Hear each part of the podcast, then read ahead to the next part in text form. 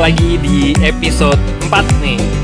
Nah, di episode 4 ini kita mau bahas seperti yang di episode 3 kita bilang waktu oh, di episode 3 kan kita bilang bahwa jangan hakimi orang sekarang gitu. Jangan hakimi perilaku orang sekarang Se- gitu iya. ya. Karena mereka punya eh, luka-luka masa lalu gitu kan. Mm. Karena luka-luka masa lalu itulah yang sebetulnya membuat mereka secara tidak sadar berperilaku sekarang gitu kan. Betul. Nah, eh, berkaca dengan itu pengetahuan itu kita di podcast yang episode 4 ini kita mau cerita nih gitu bahwa kita juga punya kok luka-luka masa lalu yang kebawa nih di interaksi kehidupan kita sehari-hari gitu gak sih? Iya benar. Dan eh perilakunya itu sepele sepele kelihatannya, Hmm, betul, tapi kalau kita nggak sadar sebenarnya banyak eh dari yang sepele ini eh, sakit hati sebentar sebel-sebelan terus numpuk lagi Ya. jadi sakit hati yang eh, apa Makin lumayan gede, gede, ya. Terakumulasi lah, gitu ya. terakumulasi dan kalau nggak disadari lagi ya bisa jadi eh, dari yang sepele ini terulang lagi terulang lagi akhirnya bisa meledak meledak ya. gitu Dan sering kali meledaknya itu yang jadi geger padahal itu sebenarnya akumulasi dari yang kecil-kecil gitu kan. Ah, ah, dari yang kecil-kecil tapi tidak disadari tidak sadari. Nah, sebenarnya kita mulai menyadari bahwa perilaku-perilaku kita itu sesuatu yang harus kita perbaiki gitu ya. sesuatu yang timbul dari luka Iya. itu sejak, Sejak saya belajar kayaknya Iya. sejak gue belajar hipnoterapi deh. benar Karena di, di dari gue belajar hipnoterapi waktu itu banyak banget insight pelajaran yang tentang emosi, tentang akar ya, akar emosi. Kenapa orang bisa berperilaku seperti ini? Ternyata zaman dulunya atau waktu kecilnya entah atau ada satu atau lebih peristiwa yang eh, apa namanya membuat emosi itu tertanam gitu. Dengan emosi itu ter- tertanam akhirnya kayak program aja gitu. iya jadi tanpa sadar itu yang membentuk program diri sampai gede Bener. dan betul, begitu betul. gede eh, orang udah cenderung nggak sadar bahwa oh ternyata perilaku ini tuh sebenarnya bawaan dari program diri A waktu kecil karena kejadian Yes. A gitu ya jadi eh, banyak yang nggak tahu gitu nah kita kita berdua juga sebenarnya sangat eh, sangat bersyukur sih bisa kenal ilmu hipnoterapi Oh, betul, kita betul. tahu cara kerja pikiran dan itu kita pakai untuk mereview diri kita sendiri dulu oh ternyata kita punya luka ini iya gitu ya. ternyata saya tuh sekarang begini karena ini saya tuh kamu begini ternyata karena kamu Oh, dulu begitu Iya, betul betul. Jadi perilaku kita sekarang ya gara-gara akar emosi masa lalu. Nah, kamu nih, kamu deh. Contoh-contoh aja biar biar biar lebih gampang gitu. Kira-kira ya apa sih perilaku-perilaku yang sepele sebetulnya ya perilaku-perilaku Iya, sehari-hari yang di mana kita pokoknya- berinteraksi dan akhirnya kita menyadari bahwa oh perilaku itu timbul gara-gara luka kita masa lalu gitu. Ya, jadi intinya pokoknya gini, kalau ada kan gini ya, segala sesuatu dalam hidup itu kan harusnya netral. Yes, betul. Yang memaknai positif atau Atau negatif, negatif, ya. itu kan kita masing-masing pribadi berdasarkan ya pengalaman, ya, pengetahuan pengetahuan, dan betul. dan lain-lain. Nah, jadi sebenarnya kalau ada sesuatu yang bikin kita jadi keluar emosi negatif, Hmm. itu kayaknya sudah hampir bisa dipastikan eh, kita ada something sama Ya. hal itu. Betul. Bis- Kepicu akarnya gitu ya. Iya, Kepik apa apa kepicu pematiknya lah gitu gampangannya ya. betul. Kemungkinan besar kita punya pengalaman nggak enak. Kemungkinan besar kita punya luka dengan hal itu. Nah, contohnya gini. eh oh, ini maksudnya gini ya, berlaku untuk misalnya eh, hal A. Hal A ini mungkin sebenarnya kalau terjadi sama orang, Orang lain, lain, orang lain akan aja, merasa ya. fine-fine aja. Bener. Tapi ketika terjadi sama seseorang kok orang ini bisa sensi banget. Nah, itu kan berarti kan hal yang seharusnya fine-fine aja tapi untuk sebagian orang itu nggak fine. Hmm. Nah, berarti ada yang tidak fine juga dengan orang-orang ini. Itu kayak Nah. gini ya, kayak kayak orang punya luka misalnya. Dia punya luka di bagian tubuhnya yang tersembunyi, misalnya di apa? Di pundaknya dia kan ketutupan baju tuh. Itu. Terus tiba-tiba ke apa? Kesenggol gitu ya, ke Eh, ya. ditepuk lah ya. Kalau Ditepuk. orang kan nepuk bahu kan sebenarnya tepukan bersahabat ya. Kayak Ya. misalnya orang ketemu, "Hey, apa kabar?" gitu Gitu. sambil nepuk bahu. Nah, kalau orang yang nggak ada luka di yang nggak ada apa-apa normalnya ya akan merasa, "Ah, iya fine-fine aja" gitu. Ya, Tapi, tapi kalau dia punya luka yang ketutupan yang nggak ada Bisul, orang yang bisul. tahu, ya ada bisul, Bisul, ya. lagi mateng-matengnya Iya. lagi ya. ditepok Terus begitu malah Ditepok dengan tepukan yang pelan aja kerasanya sakit kan? Aduh Bener. gitu dan orang bisa kesel dan orang yang nepuknya bingung. Kenapa ya? Ya? Perasaan gue barusan cuma say hi doang sambil nepuk gitu. Bocah ngapa ya? Gitu. Nah, kalau kalau kamu kamu contoh Ya. contoh gue pribadi ya. Ya. eh, oh, ini yang paling gampang. Dulu gue tuh sensi kalau Ari tuh ngomong gini ke gue. Eh, dengan dimulai dengan gitu ya. Gimana sih gitu. Misalnya ini biasanya gak kalau gue melakukan sesuatu yang eh, salah tapi nggak sengaja gitu. Ya. Cuma biasanya kan Ari berespon begitu. Gimana sih? Nah, mungkin menurut Ari dia cuma ngomong sekedar gimana sih gitu tapi ternyata gue nangkepnya tuh beda gue nangkepnya dalam gitu Hmm. kayaknya kenapa sih di pikiran gue gimana sih Ari yang cuma dua kata itu Hmm. Di pikiran gue gue na- dengernya kayak gini kamu itu nggak becus kamu itu nggak bisa ngapa-ngapain kamu itu eh, ngelakuin ini salah ngelakuin itu salah. Panjang kan di pikiran gue Padahal- nangkepnya padahal Ari mah cuma ngomong gimana sih? Karena misalnya gue nyenggol gelas kah atau apa kan sepele. Tapi ternyata program pikiran gue tidak langsung menge- eh, eh, mengasosiasikan gitu ya? tidak menganggap hal itu yang sepele tapi itu kayak itu tadi ternyata gue punya Lebih luka di Oh. situ. Kenapa? Kalau gue track eh, ternyata karena waktu kecil gue cukup sering diomelin nyokap gitu. Hmm. kayaknya semua yang gue lakuin nggak ada yang bener selalu salah selalu salah. Nah akhirnya gue sensi dengan eh, dengan eh, omongan orang yang menurut gue gue nangkepnya orang itu mm, membuat kamu merasa tidak becus membuat gitu. ya membuat gue merasa kok gue kok gue salah lagi ya? Kok gue nggak bisa ngapa-ngapain ya? Ini salah Hmm. itu salah kayak gitu. Nah itu cuma dari gimana sih lo? Gimana sih ternyata kalau di track oh gue punya luka nih sama nyokap. Yang selama ini gue nggak pernah sadar. Ya ya ya. Nah jatuh-jatuhnya jatuh-jatuhnya jadi gini nih. Kalau misalnya gue ngomong begitu tuh gimana sih? gitu. Itu sepanjang hari itu dia bisa bete dampaknya kalau dia bete kan kita hubungan jadi nggak enak kan? Nah padahal maksud gue kan cuman bilang begitu dia nyenggol gelas ya gitu. Gue bilang dong gimana sih? gitu kan. Kan sebatas itu aja tapi gara-gara dia mengasosiasikan bahwa gua nggak becus gua apa segala macam yang tadi dia udah ceritain itu jadinya sepanjang hari jadi bete. Iya kalau cuma sepanjang hari. Bahkan bisa dua hari bisa tiga hari itu hubungan nggak enak gitu kan.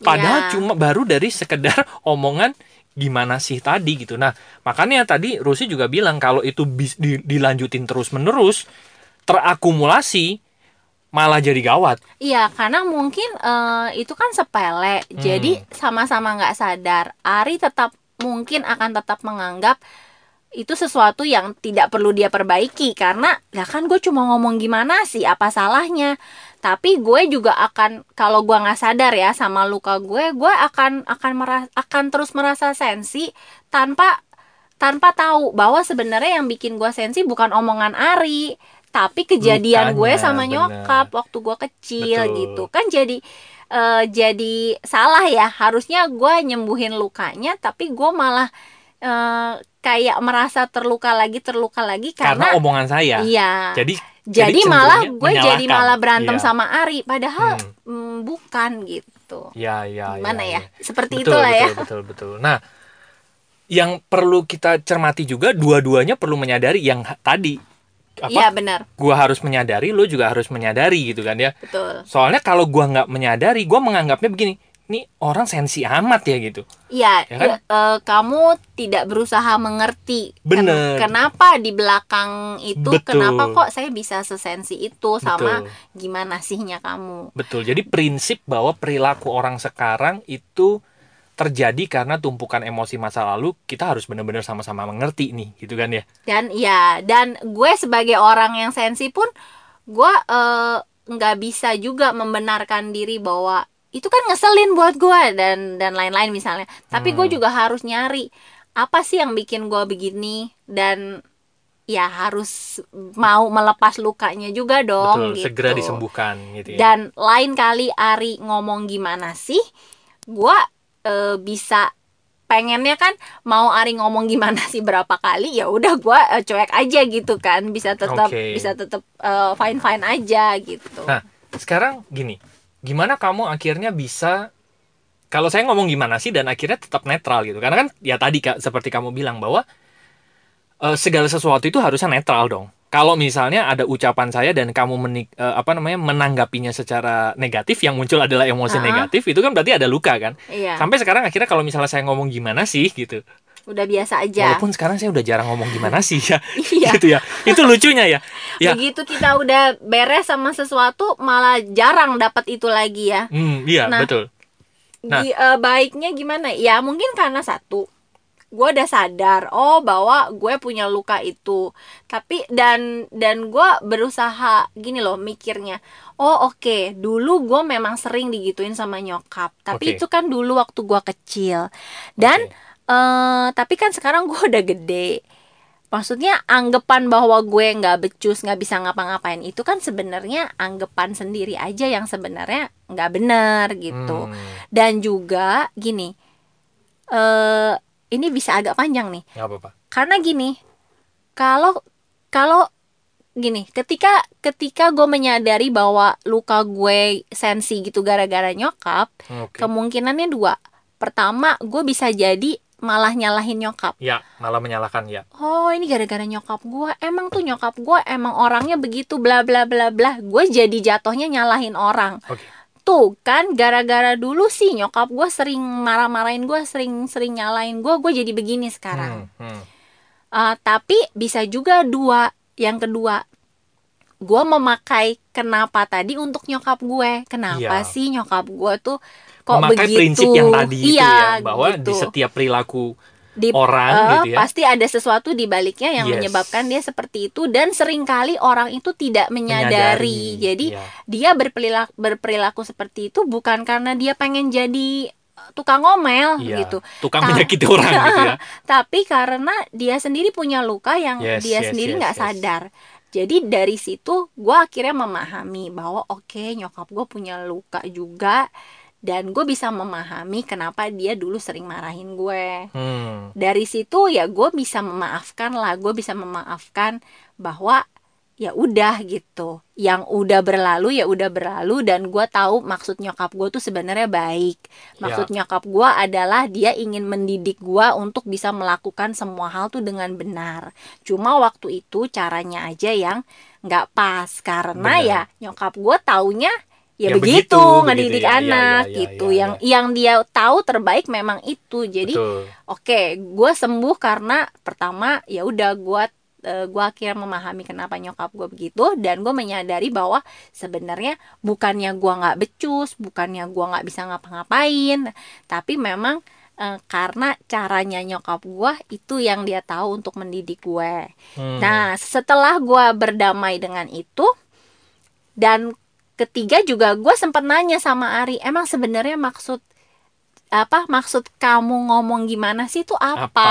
Ya, ya. Karena sering kali orang ngomong A yang kita tangkap B, Yes, berasumsi. Nah, itu juga sebaiknya kalau dalam Hubungan. hubungan asumsi dikurangin. Jadi Benar. lebih baik nanya. Nah, akhirnya saya pernah nanya gitu ke Ari gitu Iya. kan. Maksud kamu apa? Gimana sih? Dan Ari dengan entengnya bilang nggak ada maksud apa-apa. Ya cuma gimana sih? Ya, ya, Eh, ya. gitu doang gitu. Jadi akhirnya saya menyimpulkan, oh ya udah ternyata emang gue itu aja kesimpulan yang pribadimu berdasarkan emosi-emosi yang terjadi di masa lalu Uh-uh. gitu kan. Jadi akhirnya sekarang setelah saya tahu Ari nggak ada maksud apa-apa, saya juga udah beres dengan luka saya, saya sudah memaafkan, saya sudah merubah program diri juga bahwa saya tidak seperti itu. Hmm. Ya akhirnya saya bisa lebih cuek gitu kalau ada orang gimana sih ya saya bisa, ya ya memang gua nggak sengaja Sengaja, ya. tadi gitu. Jadi bisa disederhanakan gitu. Iya. Nah, Dan mm-mm. dan kalau misalnya apa namanya eh, saya ngomong gimana sih ya udah hari-harinya baik-baik aja setelah itu kan gitu ya Mm, malah sekarang saya bisa bercandain kalau dia bilang gimana sih ya saya bisa saya bisa toel lah bisa apa gitu oke itu salah satu contoh itu salah satu contoh ya sebetulnya ya. Ada lagi nggak? Ada cuma lagi? cuma dari itu jadi panjang iya. banget. Ada lagi nggak Eh, kamu? apa ya yang ini? Oh eh, ini. Ini sebenarnya mau diceritain tapi gini gue punya punya lagu. Bukan punya lagu sih. Jadi ada lagu yang dari zaman SMP kali ya. Heeh.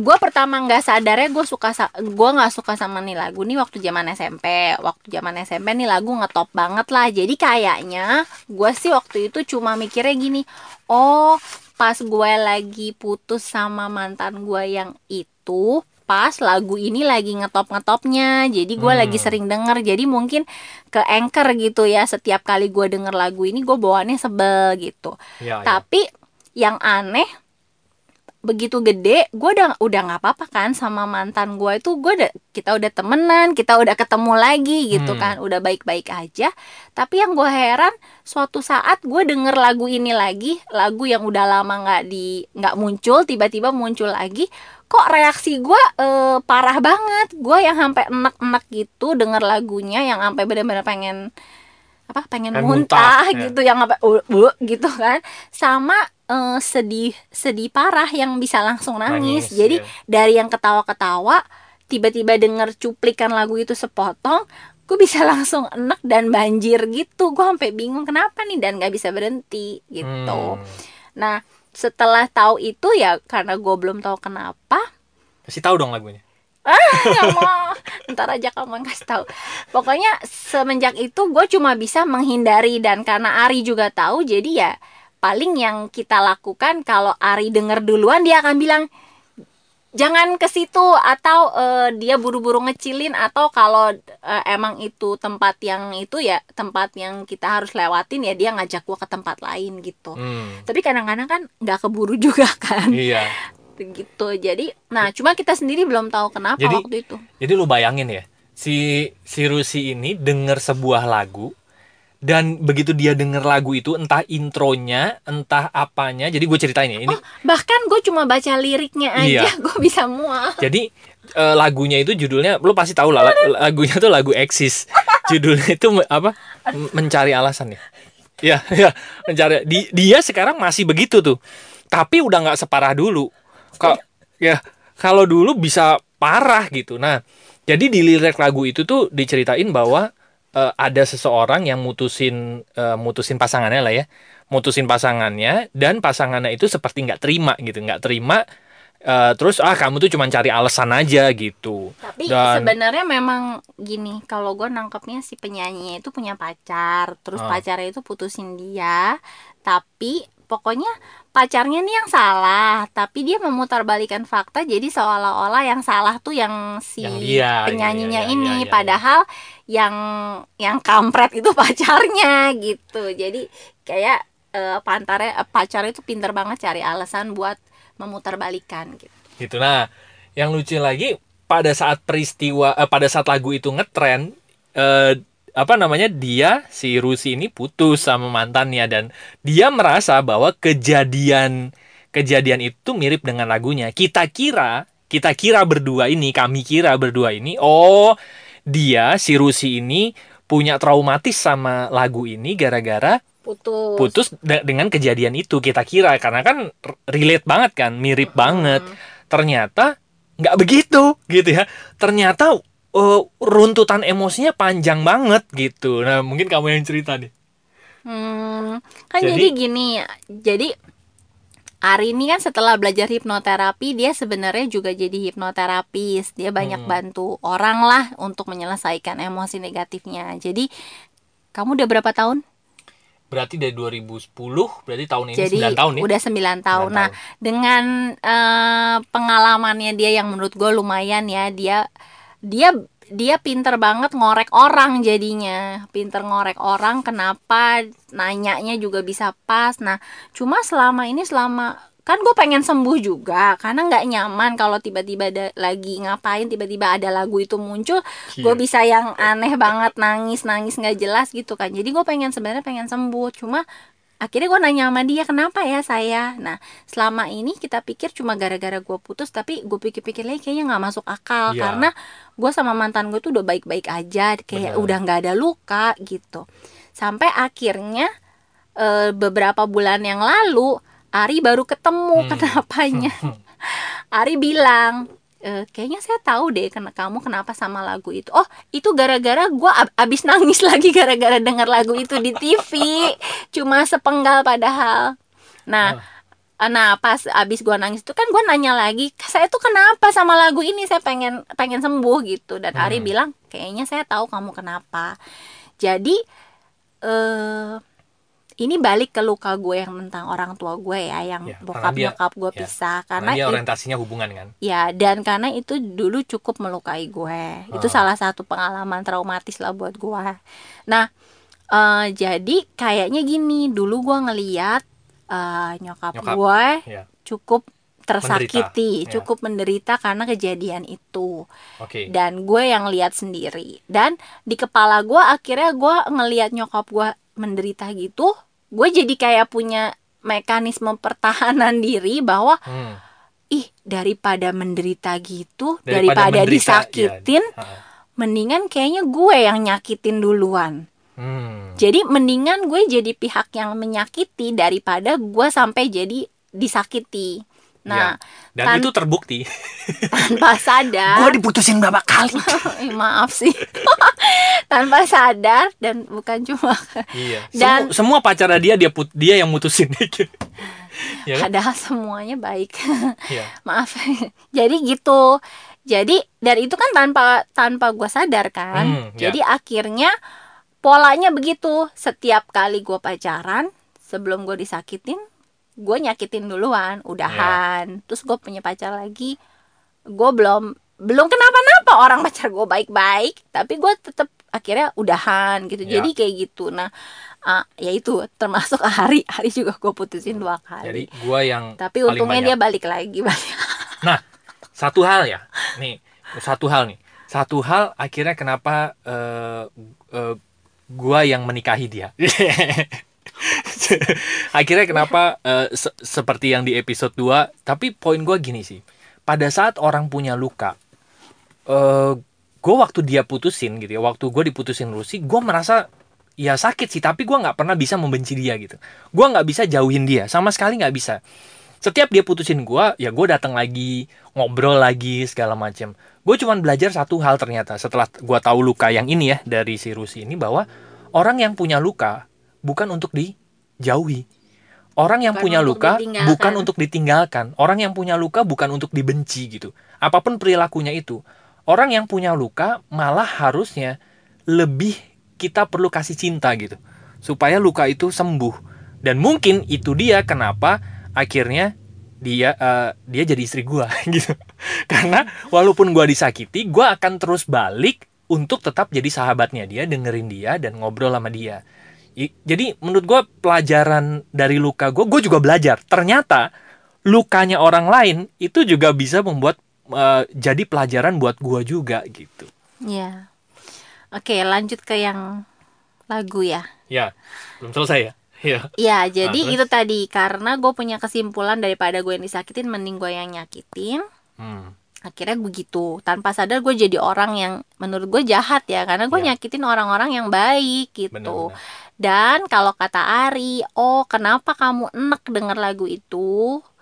Karena lagu itu Hmm. mengingatkan gue bahwa gue pernah jadi orang kan abis abis bokap gue nyakitin bok nyokap, oke walaupun nyokap gue ngajarin untuk maafin dan lain-lain tapi tetap aja ada perasaan marah dong di gue jadi Betul. gue sempat ada masa-masanya gue benci banget sama uh, Bokap. bokap. tapi sekarang udah almarhum ya bokap ya nah jadi kata Ari "Ka- kamu tuh mual dengar lagu itu karena lagu itu membuat kamu mengingatkan bahwa kamu pernah jadi orang yang serupa serupa dengan orang yang kamu benci. Jadi ke- kebayang nggak? gue benci banget sama orang, tapi kok Perilaku ya? gue sama sama orang itu kan jadi gue kata Ari ya makanya kamu enak gitu Iya. dan sedihnya Jadi ya enaknya otomatis double ini. Iya. Kan enak kita- sama orang itu dan enak sama gue sendiri kan En- apa enak sama orang lain aja udah sebel gitu kan? Iya. Apalagi kita mengasosiasikan diri ternyata dengan gue sama aja sama sama, sama dia Sama gitu. Itu kan orang. berarti kan eh, double enak, eh? Enak kuadrat ya.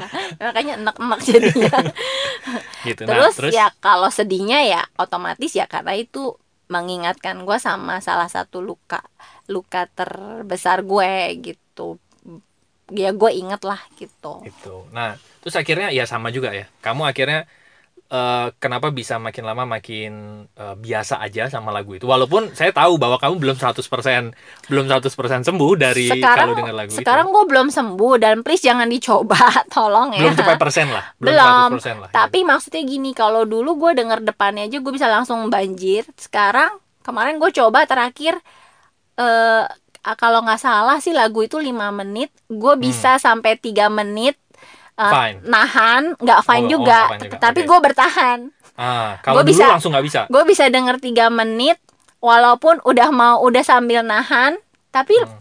masih tahan gitu kalau Oke. dulu mungkin gue udah ya nggak tahu kayak maksudnya Iya, udah iya.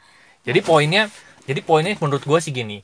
Setiap dari kita punya luka, kalau misalnya kita sudah berusaha untuk merawat luka itu dan ternyata luka itu belum sembuh, ya it's okay. Jangan dipaksa luka itu untuk cepat sembuh gitu nggak sih? Iya. Malah akan ada Malah akan waktunya. lebih menyiksa kita juga gitu ya. Iya.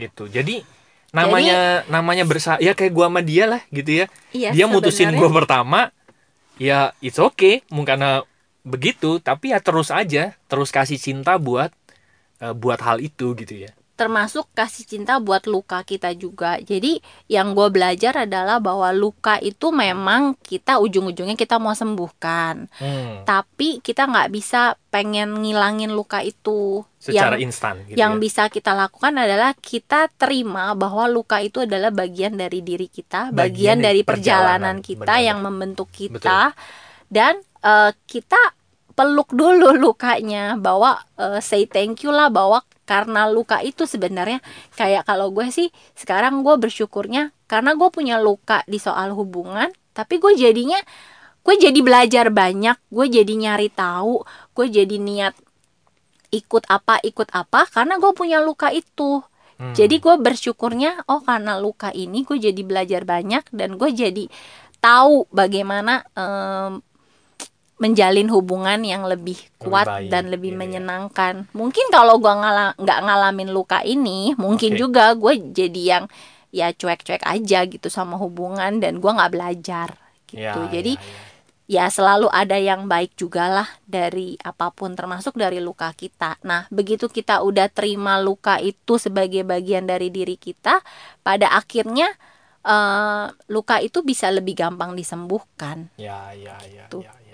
Jadi sebetulnya itu hal-hal yang yang receh sebetulnya ya Yang sepele tapi Sepele kalau kita banget gitu. omongin panjang juga ya. Bener, jadi sebetulnya kalau kita ngelihat sih ya, kita ngelihat banyak eh, hubungan yang akhirnya retak dan akhirnya pecah, sebelah karena akumulasi perilaku-perilaku receh, perilaku-perilaku yang Iya. sepele tapi Di permukaan receh, Iya. tapi di dalam itu dalam buat orang yang Bener. punya lukanya, Bener, gitu bener, kan. Nah kayak saya aja nih, tadi Oh iya, Rusi, dari tadi luka gue mulu. nah Rusi, Rusi, Luka Rusi- kamu apa?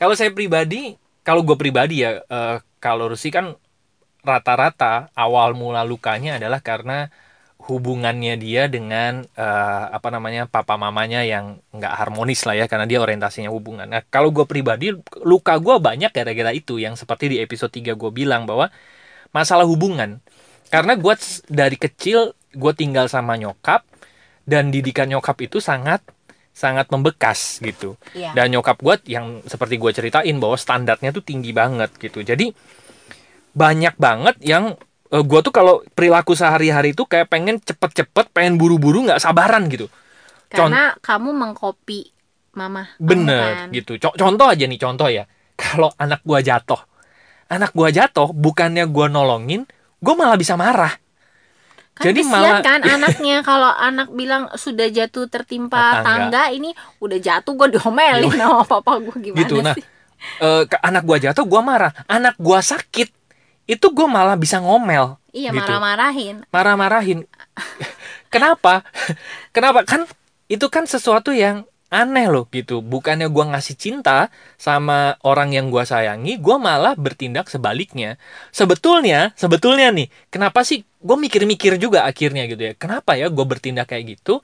Karena memang ya itu gue tuh pengen segala sesuatunya sempurna gitu. Gue pengen segala satunya eh, karena gue Berjalan baik. berjalan karena gue perfeksionis kan. Nah pada saat ada sesuatu yang tidak berjalan sesuai semestinya gitu ya anak jatuh.